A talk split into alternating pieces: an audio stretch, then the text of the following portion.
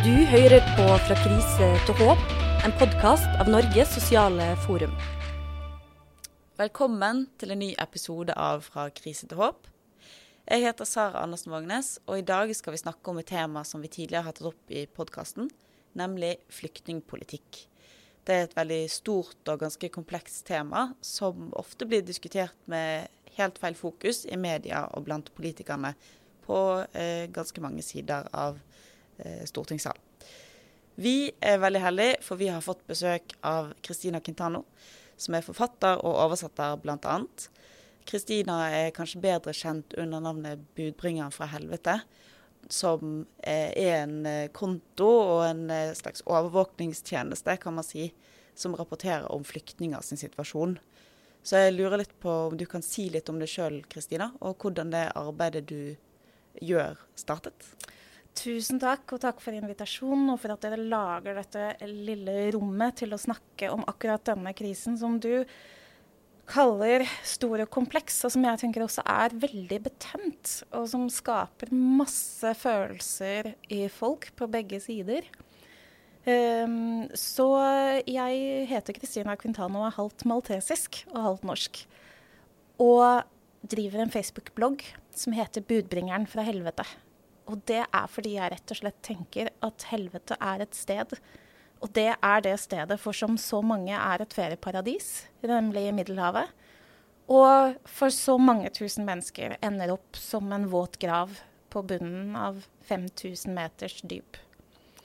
Eh, og det er eh, veldig spesielt å tenke på at akkurat i år så er det 100 år siden Fridtjof Nansen fikk Nobels fredspris i forbindelse med asylpasset, og nå, 100 år etter, i en krise som er så enorm som flyktningenes krise er, sammen med klimakrisen, så må vi faktisk gå til smalere podkaster og til private Facebook-kontoer for å finne informasjon om det som er vår tids mest presserende krise.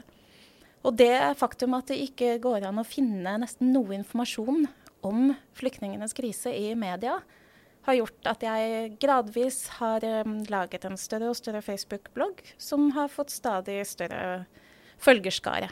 Så akkurat nå så er det 15 000 følgere fra 50 ulike land.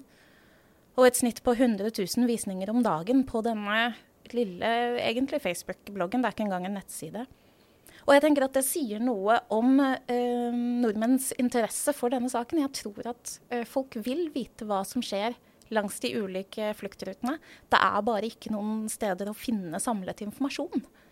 Så det er på en måte både en informasjonskanal for vår tid, men så er jeg også historie- og samfunnsfaglærer, så det er også på en måte et tidsvitneblikk. Fordi det er så mye skrevet fra f.eks. andre verdenskrig som våre barn og neste generasjon kan lese. Men hvis de vil gå til kildene om vår tids krise så finnes det nesten ingenting, i hvert fall ingenting sammenhengende dokumentasjon. Så det er på en måte et forsøk på både rope ut om grove humanitære overgrep som skjer hver eneste dag nå, men også et uh, tidsvitneblikk, sånn at vi aldri skal kunne si at vi ikke visste, i hvert fall. Og det her er kanskje et litt uh, vanskelig spørsmål, men uh, kunne du gitt et litt sånn raskt og overordnet bilde av flyktningsituasjonen i verden i dag? Mm. Det er et stort og vanskelig bilde. Eh, sånn at jeg holder meg i hovedsak til den sentrale delen av Middelhavet og de landene som grenser til Middelhavet. Og det er faktisk så mye som 21 selvstendige stater.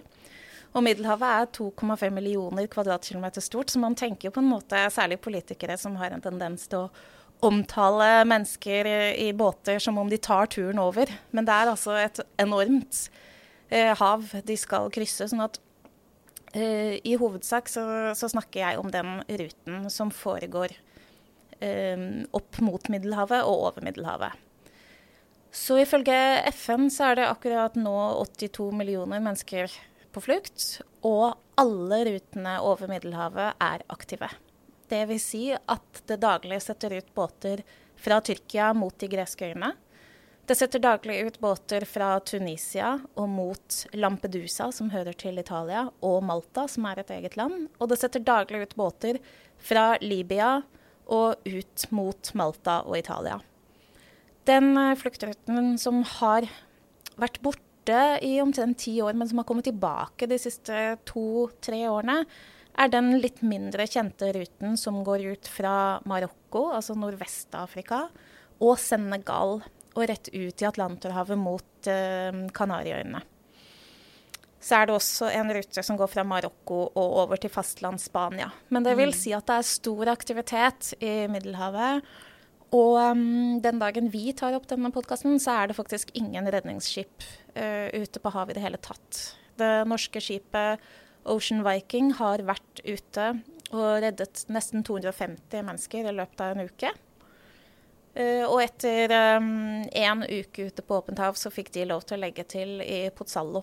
Men um, det vi ser tendensen til, da, er jo at når redningsskip endelig får en trygg havn, så blir de holdt veldig lenge i den havnen. Sånn at de ikke får satt ut igjen. Og da um, risikerer man jo da at det i lange perioder av gangen selv om mange politikere får det til å høres ut som det er en hel redningsflåte av skip, så er det rett og slett uh, stort sett ikke noen redningsskip ute i Middelhavet. Det vi også ser, er jo at um, det hoper seg opp på de ulike øyene langs uh, Middelhavet. Um, det er litt mindre press på Lesvos akkurat nå. Og den eh, leiren Moria er det jo mange som har hørt om. Men da hoper det seg gjerne opp et annet sted. Fordi uh, hvis man stopper en rute, så åpner det seg en annen. Så um, det er store utfordringer og stappfulle leire. Både interneringsleire og åpne leire. Både på um, de spanske øyene, på de greske øyene og på Lampedusa og Malta. Og også på Sicilia. Så uh, bildet for flyktninger akkurat nå er uh, ganske mørkt, altså. Det ja, tror ikke jeg kan beskrive på en annen måte enn ganske mørkt. Uh, fordi jeg har lest en del i boken din den siste uken, eller de siste ukene, Kristina. Og jeg vil si at det er veldig viktig, men også veldig vond lesning. Um, og det er jo en bok der du går ganske systematisk gjennom ankomsten av flyktninger, ja, som du sier, til Malta og Lesvos og Lampedusa. Eh, og Der skriver du også bl.a. om det som man kaller for byrdefordeling, mm. eh, men som jo handler om en omfordeling mer eh, blant de mottakerlandene og resten av EU. Men kan du si litt om hvordan den byrdefordelingen omfordelingen faktisk fungerer? Mm. Um, det, det, blir jo kalt byrdefordeling, og det handler jo i utgangspunktet om hvor man gjør av mennesker etter at de har fått gått til land. Jeg syns byrdefordeling er et utrolig um, vanskelig og dårlig ord, og jeg foretrekker å kalle det solidaritetsfordeling.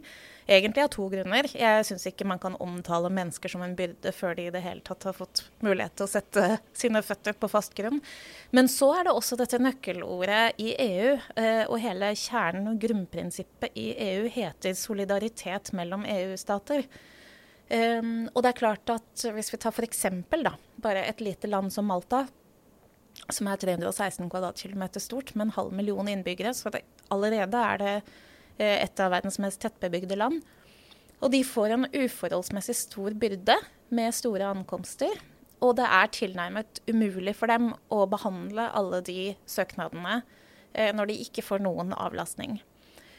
Og det fører helt konkret til at folk ikke blir reddet i Middelhavet. Fordi det er slik at um, Malta har et enormt søk- og redningsområde. 250 000 kvadratkilometer med hav uh, som skal uh, dekkes og overvåkes av maltesiske myndigheter.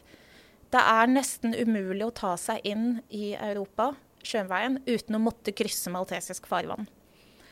Og hvis uh, Malta Ehm, bedriver søk og redning i maltesisk farvann, så er de også egentlig Maltas ansvar.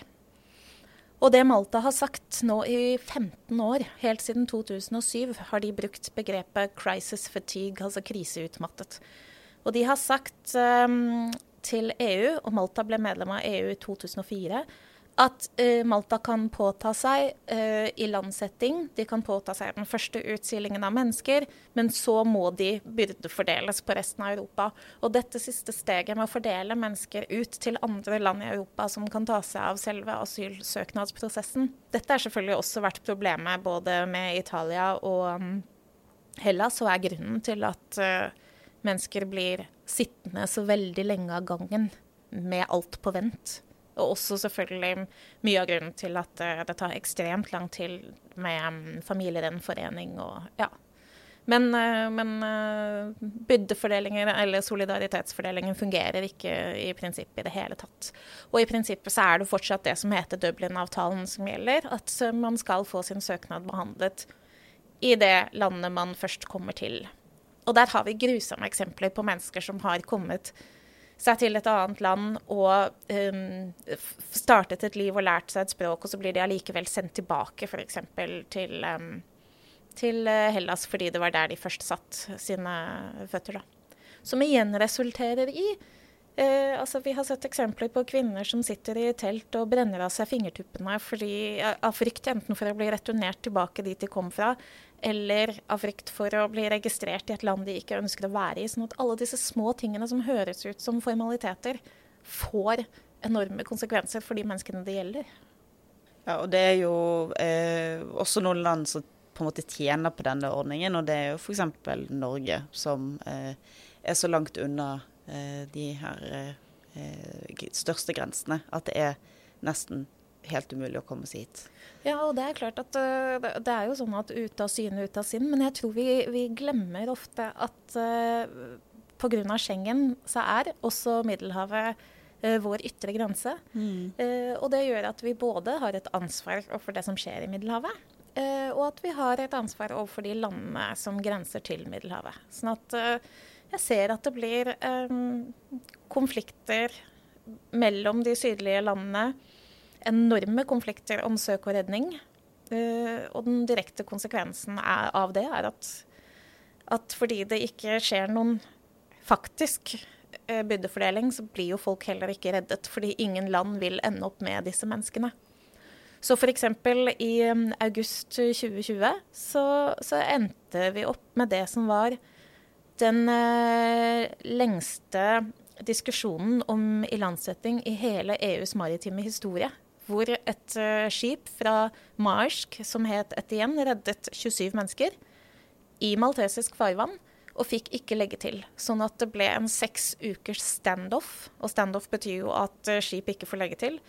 Hvor uh, verken mannskap eller flyktningene var rustet til å være seks uker om bord på et skip uten nødvendige utstyr. Men dette skjer hele tiden. Uh, skip får ikke legge til. Det finnes eksempler på eh, at mennesker drukner i Middelhavet selv om man vet nøyaktig hvor de er. F.eks. For fordi det blir sendt ut et nødanrop eh, som går til hovedredningssentralen i Roma. Og når eh, de eh, ber båtene i nærheten om å bedrive søk og redning, så skrur alle rett og slett av rad eh, radioen. Og det er jo rett og slett ikke lov. Og ifølge det som heter SOLAS-konvensjonen, som står for Safety of Lives at Sea, så er man pliktig, hvis man oppdager en båt i havsnød, å redde de man ser. Men den konvensjonen har to store mangler. Og det er at den definerer ikke hva som er konkret havsnød, og den definerer ikke hva som er en trygg havn.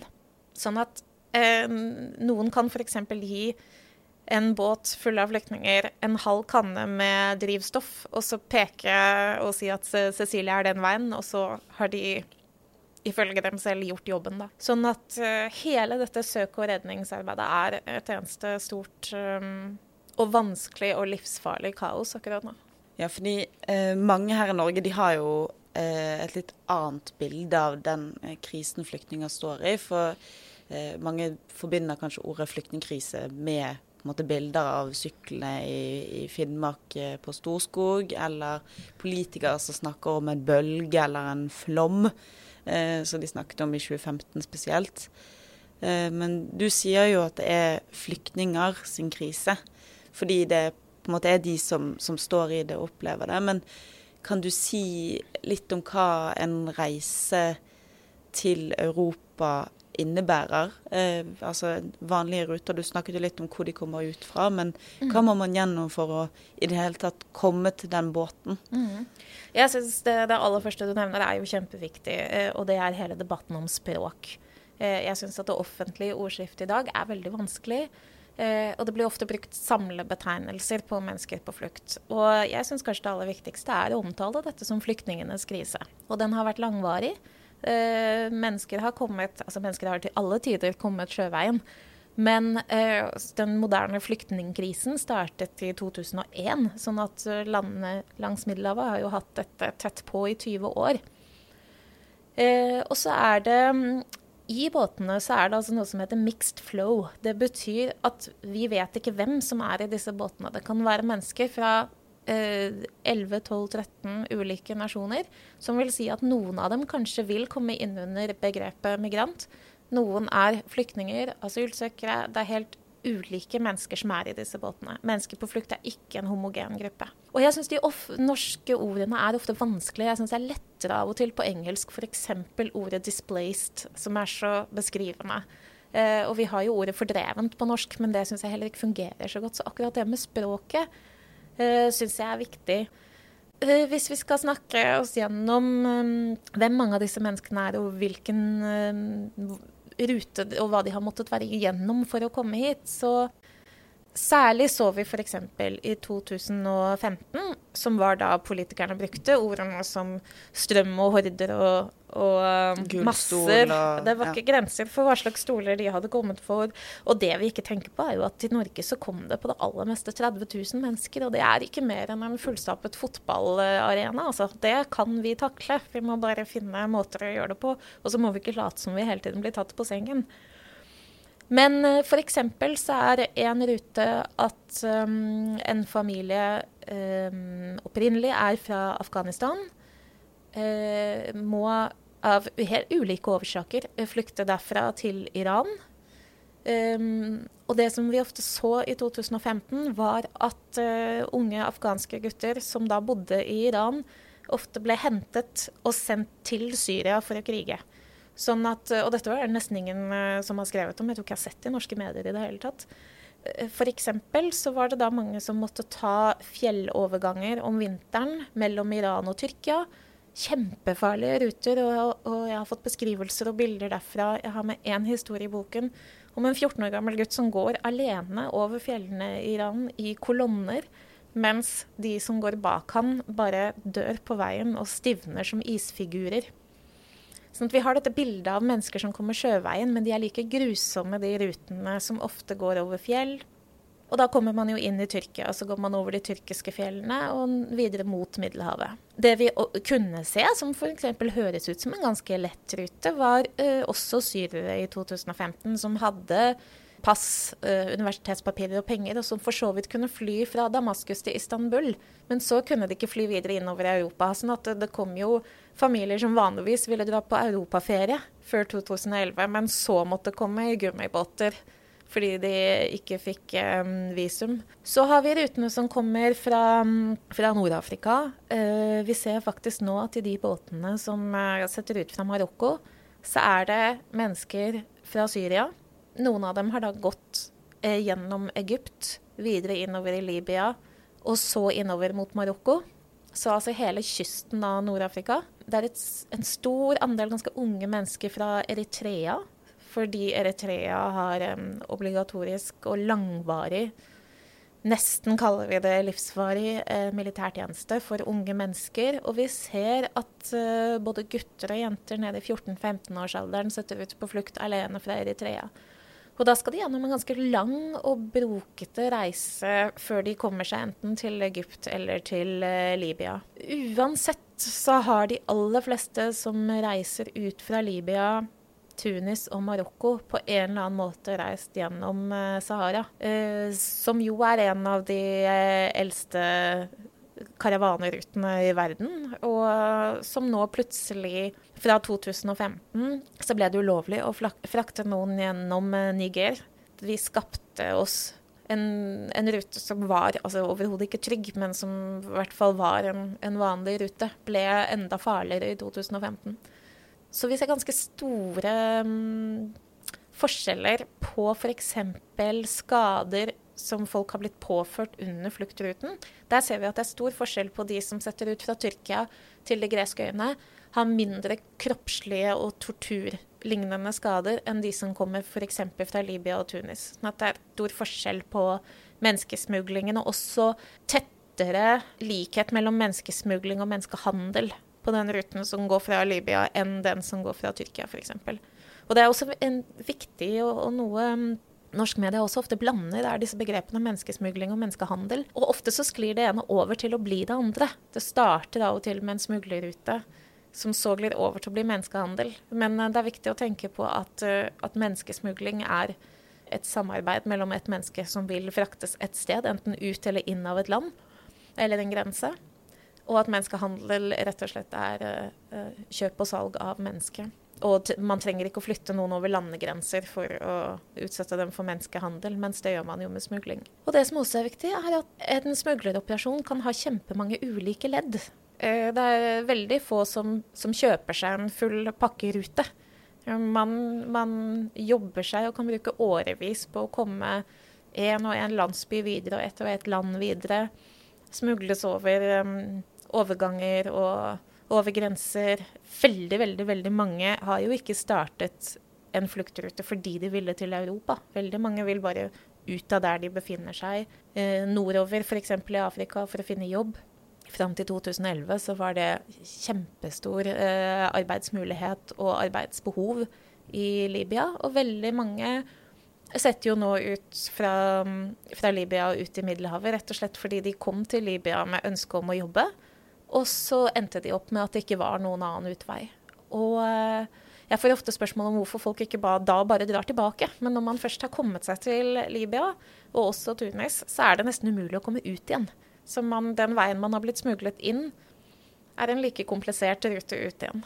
Libya er jo et typisk eksempel på um, militær intervensjon hvor, hvor, det var et land som vi kanskje ikke akkurat kan si fungerte, men som uh, som i hvert fall hadde kontroll på sine grenser. Gaddafi hadde stålkontroll på grensene sine. Og, og hadde voldsom kystvaktaktivitet i samarbeid med Italia i 2009. Og så, da vi bombet Libya, så ødela vi jo også hele kystvaktflåten. Sånn at plutselig så sto Libya igjen uten kystvaktskip. Og da så vi jo en stor oppgang av mennesker som kom den veien. Men jeg tror det vi skal tenke på er at veldig mange av rutene starter ikke som en fluktrute fordi man nødvendigvis ønsker å komme til Europa, men det starter med at man bare må bort fra der hvor man er. Ja, fordi eh, det er jo kanskje nettopp det der med, med, Libya jeg tenkte vi kunne snakke litt om. For det er jo eh, noe av det aller styggeste vi gjør i den felles europeiske flyktningpolitikken. Det er de avtalene med forskjellige regimer og forskjellige stater som, som, har som mål å stoppe folk fra å faktisk nå fram til Europa. Eh, og den verste avtalen, det er jo nok den eh, nye avtalen med den libyske regjeringen eh, og eh, Kystvakten, hvis man skal være raus og kalle de det. Eh, og i løpet av årene siden 2017 så er det vel sånn ca. 450 millioner euro som er gitt fra da EUFT, som er flergiverfondet for Afrika, til Libya for å stoppe flyktninger. Hva, hva, for en avtale er det her? Ja, Dette er en avtale som i november 2015 så samlet uh, alle EU-lederne seg på Malta i det som omtales som The Valletta Migration Summit. Hvor de rett og slett ble enige om um, en måte å stanse migrasjonen, som de kalte det, over Middelhavet. Ved å stoppe mennesker mye lenger ut. Altså de skulle stoppe eh, mennesker fra å både komme seg til Libya og Tunis, og de skulle stoppe mennesker som allerede da var ved kysten og skulle settes ut i båter. Sånn at omtrent 60 eh, millioner euro eh, er gitt direkte til det jeg kaller såkalt libysk kystvakt, som ikke eksisterte i 2015, for da hadde ikke de noen kystvaktflåte. EU har donert noen båter til libysk kystvakt, og libysk kystvakt sin oppgave er rett og slett å stanse mennesker både i internasjonalt, men også i europeisk farvann. Dette strider imot på en måte den nøkkel- og hjørnesteinsbeskyttelsen av flyktninger, som er ikke-retur-prinsippet. På engelsk heter det 'the principle of non-refoulement'. Og veldig kort forklart så innebærer det at ingen mennesker skal tvinges tilbake igjen til et sted hvor de kan risikere å oppleve tortur. Og det er ingen tvil om at mennesker som har satt ut fra Libya, har store eh, ofte både torturskader og ikke minst eh, psykiske traumer. Så bare for dette, mm, dette prinsippet heter pushback eh, og er ulovlig, og det foregår også mellom Tyrkia og Hellas, men i mye større skala i den sentrale delen av Middelhavet. Så det vi så i fjor, i 2021, og tallene er nok større, men ifølge International Organization for Migration, IOM, så var det 32 500 mennesker som ble trukket tilbake igjen eh, til Libya mot sin vilje fra internasjonalt maltesisk og italiensk farvann og tilbake igjen til Libya. Der de blir plassert Av og til så blir de bare dumpet ut i ørkenen. Og noen ganger så blir de plassert i interneringsleirer som, som eh, FN ikke har noe som helst tilgang på. Eh, og det vi ser, er at folk prøver denne uh, ruten ut fra Middelhavet kanskje 11-12-13 ganger. Og selv om de vet at de kan risikere å bli stoppet av Libysk kystvakt og trukket tilbake igjen. Det er problematisk på mange områder, men for det første så er det jo da i strid med ikke-returprinsippet. Men det vi ser er jo også at eh, libysk kystvakt har en helt annen måte å oppføre seg på enn det et eh, europeisk søk- og redningsskip ville gjort. De har, for det første så er de ikke utrustet til søk og redning, så veldig ofte så gjør de større skade enn nytte. De har stort sett ikke med seg verken proviant eller eh, redningsvester.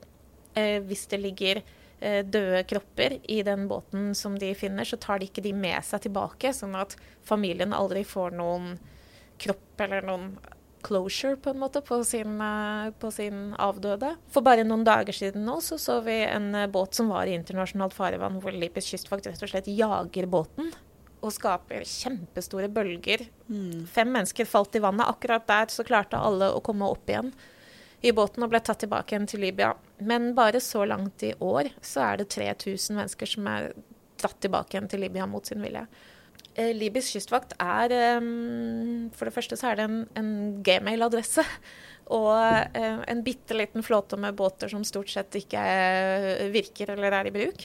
Flyktningene forteller jo også at dette er en sirkeløkonomi, fordi Libysk kystvakt er de samme som er militser, som er de samme som er smuglerne. sånn at vi bruker jo EU over 250 millioner norske skattekroner har gått til dette. Og vi bruker rett og slett penger på både pushbacks og en libysk kystvakt som like gjerne kan omtales som ulike militsgrupper. Så jeg tenker at vi har liksom skapt troll vi ikke klarer å temme midt ute i Middelhavet. Og det er klart at det er langt uh, unna journalister. Det er veldig lite overvåkning altså av, av, menneskerettighetene. Så har også Frontex, som jo er Europas grensekontroll, heller nesten ikke skip. Eh, før så har man i hvert fall tenkt at hvis mennesker drukner, så, så kommer Frontex til nød og redder dem. Men eh, det som har skjedd nå, er jo at de fleste um, Frontex-operasjonene er basert på fly, sånn at det er flyovervåkning av Middelhavet. Og så melder flyet fra til libysk kystvakt. og så er det der libysk kystvakt som setter ut for å dra disse menneskene tilbake. Sånn at vi har ikke engang europeisk grensekontroll ute på havet. Sånn at det blir på en måte mer og mer ansvarsfraskrivelse. Og det er klart at hvis vi ikke har båter der ute, så trenger vi heller ikke å redde noen, for du kan ikke redde noen fra et fly. Du kan bare gi dem posisjonen. Så mm, det er en helt um, en helt vanvittig måte å behandle mennesker som flykter, uansett om de flykter pga. nød og sult eller humanitære overgrep. Ja, det, det, bryter menneskerettigheter eh, i det som er vår ytre grense hver eneste dag. Ja, og kanskje altså, Frontex eh, spesielt er jo en ganske interessant eh, aktør. Jeg husker når jeg studerte og tok et migrasjonsemne, så leste vi en artikkel som handlet om Frontex-ansatte sitt jeg vil ikke si selvbilder, men bilder av Frontex og deres rolle. Og der de hadde veldig, veldig fine ord de brukte til å beskrive sin rolle, og veldig gode tanker om, om sånn et, et, humanitært prosjekt. Eh, men der, der, man ser at det er jo en militarisering. Eh, og ja, som du sier, uten at man faktisk eh, har eh, et reelt eh, handlingsrom for å, eller ønske kanskje om å, om å redde noen. Mm, og jeg, jeg, tror det er litt todelt blant de som er om bord i Frontex også. Jeg har absolutt sett norsk politi som har vært med i Frontex, og som har opplevd at de har gjort noe nyttig. Men jeg tror at uh, det var litt uh, større forståelse for menneskerettighetene for rundt 2015. Mens nå så ser vi jo at det blir stadig mer militarisert. Når de har uniformer, og det på en måte det oppleves i veldig mye større grad som en uh, grensekontroll. Ikke som noen form for humanitær hjelp i det hele tatt. Og det er også interessant i forhold til um, det vi snakket om språk. at Jeg tror de fleste nordmenn f.eks. har en oppfattelse av at uh, Norge har sendt redningsskip til Middelhavet. Mens um, det var en uh, militærdreven aksjon som var uh, italienskdrevet, som het Mare Nostrum. Som varte fra høsten 2013 til høsten 2014. Og de brukte 9 millioner euro i måneden, og dette var en humanitær operasjon. De reddet liv. Og i den perioden som Mare Nostrum uh, var operativt, så var det nesten ingen som druknet. Det var ingen andre EU-land som ville være med og støtte dette, heller ikke Norge som sjøfartsnasjon. Men så fort eh, Mare Nostrum høsten 2014 gikk over til å bli Operasjon Triton, som var en mye større grenseoperasjon og ikke søk- og redningsoperasjon, da sendte Norge skip men uh, Operasjon Triton hadde et mye mindre budsjett, og de hadde et mye mindre handlingsrom. Og de gikk i hovedsak ikke inn i libysk farvann. For, eksempel, for å finne druknede, men de ventet til båter hadde kommet over til uh, europeisk farvann. Sånn at uh, den der balansen som var mellom søk og redning og grensekontroll for syv år siden, er nå mye mer tydelig grensekontroll, da. Vi, vi har et ganske grusomt eksempel fra høsten 2013 så sank det en båt utenfor Lampedusa med 500 mennesker. 360 druknet, hvis jeg ikke husker feil. Men um, av de som druknet, eh, de fikk da europeisk statsborgerskap post mortem, altså etter at de var døde. Ja. Mens de som overlevde, fikk en bot på 5000 euro for å ha tatt seg ulovlig inn i Europa. Og jeg tenker at Det er bare symbolpolitikk på sitt aller verste, da, når du har opplevd at barna dine drukner i armene på deg, og du får karret deg i land på en italiensk øy, så er da straffen at uh, du får bot for å ha tatt deg inn i Europa, mens de som ligger på havets bunn og som aldri ble løftet opp, de har fått statsborgerskap. Det er jo ganske sykt, eller? Ja, ja. ja det er, uh, og det er på en måte sykt på så mange måter. Og um, jeg tenker at det skaper Altså hele denne fravær av søk og redning, som jeg velger å kalle det. Det får så enorme ringvirkninger. For det første så skaper det jo enorm splid innad i de ulike sydlige landene. Så skaper det en enorm og uforholdsmessig arbeidsbyrde på de få dykkerne som jobber med å forsøke på noe som helst måte å finne noen få av disse menneskene som synker. Og man kan selv bare tenke seg at et menneske som har ligget på havet, om det er én eh, dag eller én uke, det, det, er ikke noe vakkert syn. Eh, mennesker går i oppløsning, og, og jeg har altså erfarne dykkere som rett og slett gjør dette, og som i hver eneste redningsoperasjon må bestemme seg for om de skal svømme etter en familie på tre eller fire stykker som er i den andre enden, og vite at de tre kanskje drukner fordi du velger å svømme til høyre. Og så har jeg i forbindelse med, særlig i forbindelse med boken, men også fordi jeg stadig ble kjent med flere og flere fiskere langs Middelhavet som sluttet å spise fisk. Og jeg tror at det møtet med fiskerne det er klart at Når man jobber med mennesker på flukt, så er man så forberedt på å høre de grusomme historiene. Når man intervjuer en fisker som henter døde barn opp fra vannet, så kan man også hvert fall på en måte man er forberedt på det de skal fortelle. Men når jeg intervjuet fiskere som har vært fiskere i generasjoner i Middelhavet, og som så sier at de enten har sluttet å fiske fordi de vet de kommer til å møte på en båt i havsnød, og de blir kriminalisert dersom de redder dem, eller at de gang på gang på gang erfarer å få døde kropper i nettene sine, og nesten ikke en eneste gang kan dra opp et nett uten at de må plukke ut en hodeskalle eller en arm og kaste ut i vannet før de kommer tilbake igjen med fangsten sin. Og jeg har møtt hele landsbyer i Syd-Italia som bærer på disse hemmelighetene. Og jeg tenker at den tanken Altså når fiskerne slutter å spise fisken sin i Middelhavet fordi det ligger tusenvis av mennesker på havets bunn, det tenker jeg er en så grov overtredelse av Eh, både deres og vårt felles matfat, hvis man skal være så grotesk, da.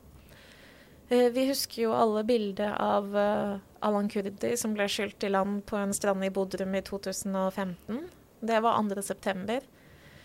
Og dette bildet gikk viralt og, og endret i en kort tid um, i hvert fall noen lands asylpolitikk. Men i april samme år, altså fire-fem måneder før, så sank det en båt utenfor Malta med 1000 mennesker i alle menneskene druknet. 24 mennesker ble funnet lik, som er begravet ved siden av mine besteforeldre på Malta. 28 mennesker overlevde, men 1000 mennesker ble liggende på bunnen av havet i over et år før den båten ble hevet. Og um, vi har så vidt snakket om um, det rasistiske blikket på dette, men jeg tenker at det ville ikke skjedd at en båt med 1000 hvite mennesker hadde forsvunnet rett utenfor vårt ferieidylliske Middelhav, og så hadde vi ikke hørt om det. Jeg har ikke funnet noe om den saken i noen norske medier.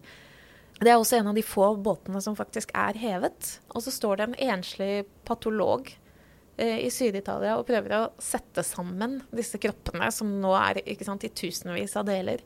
Og så langt så har hun klart å identifisere 30 mennesker.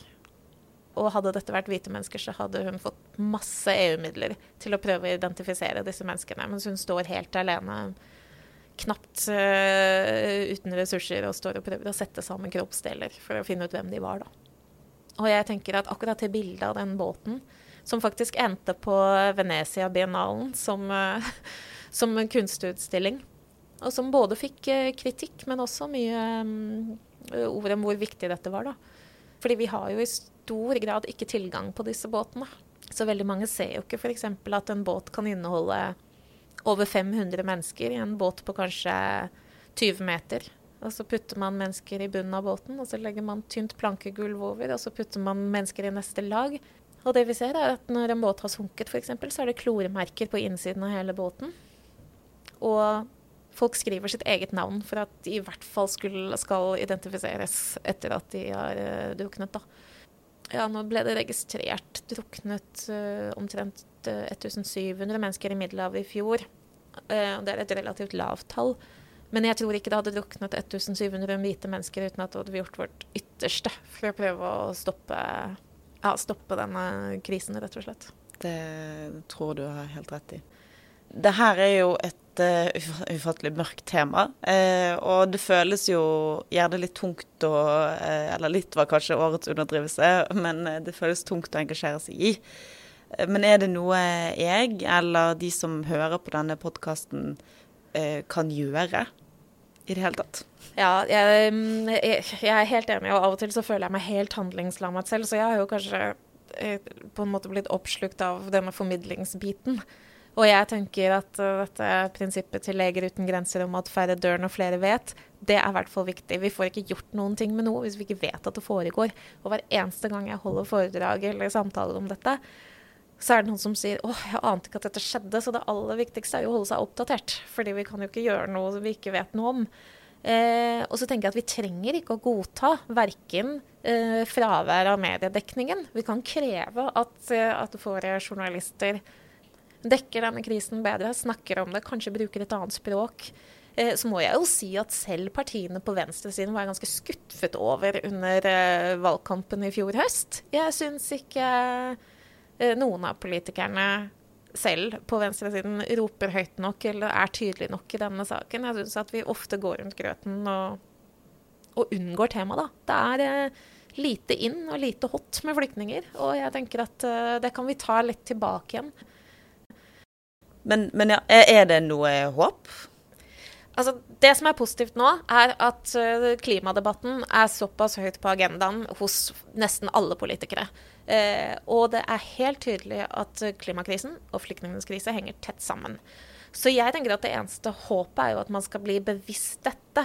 Og om man ikke er flyktningaktivist, så kan man kanskje i hvert fall være klimaaktivist. Og det er jo en litt mindre betent debatt, da. For de aller fleste er jo enig i at vi på en måte er i ferd med å ødelegge både jorda og ressursene.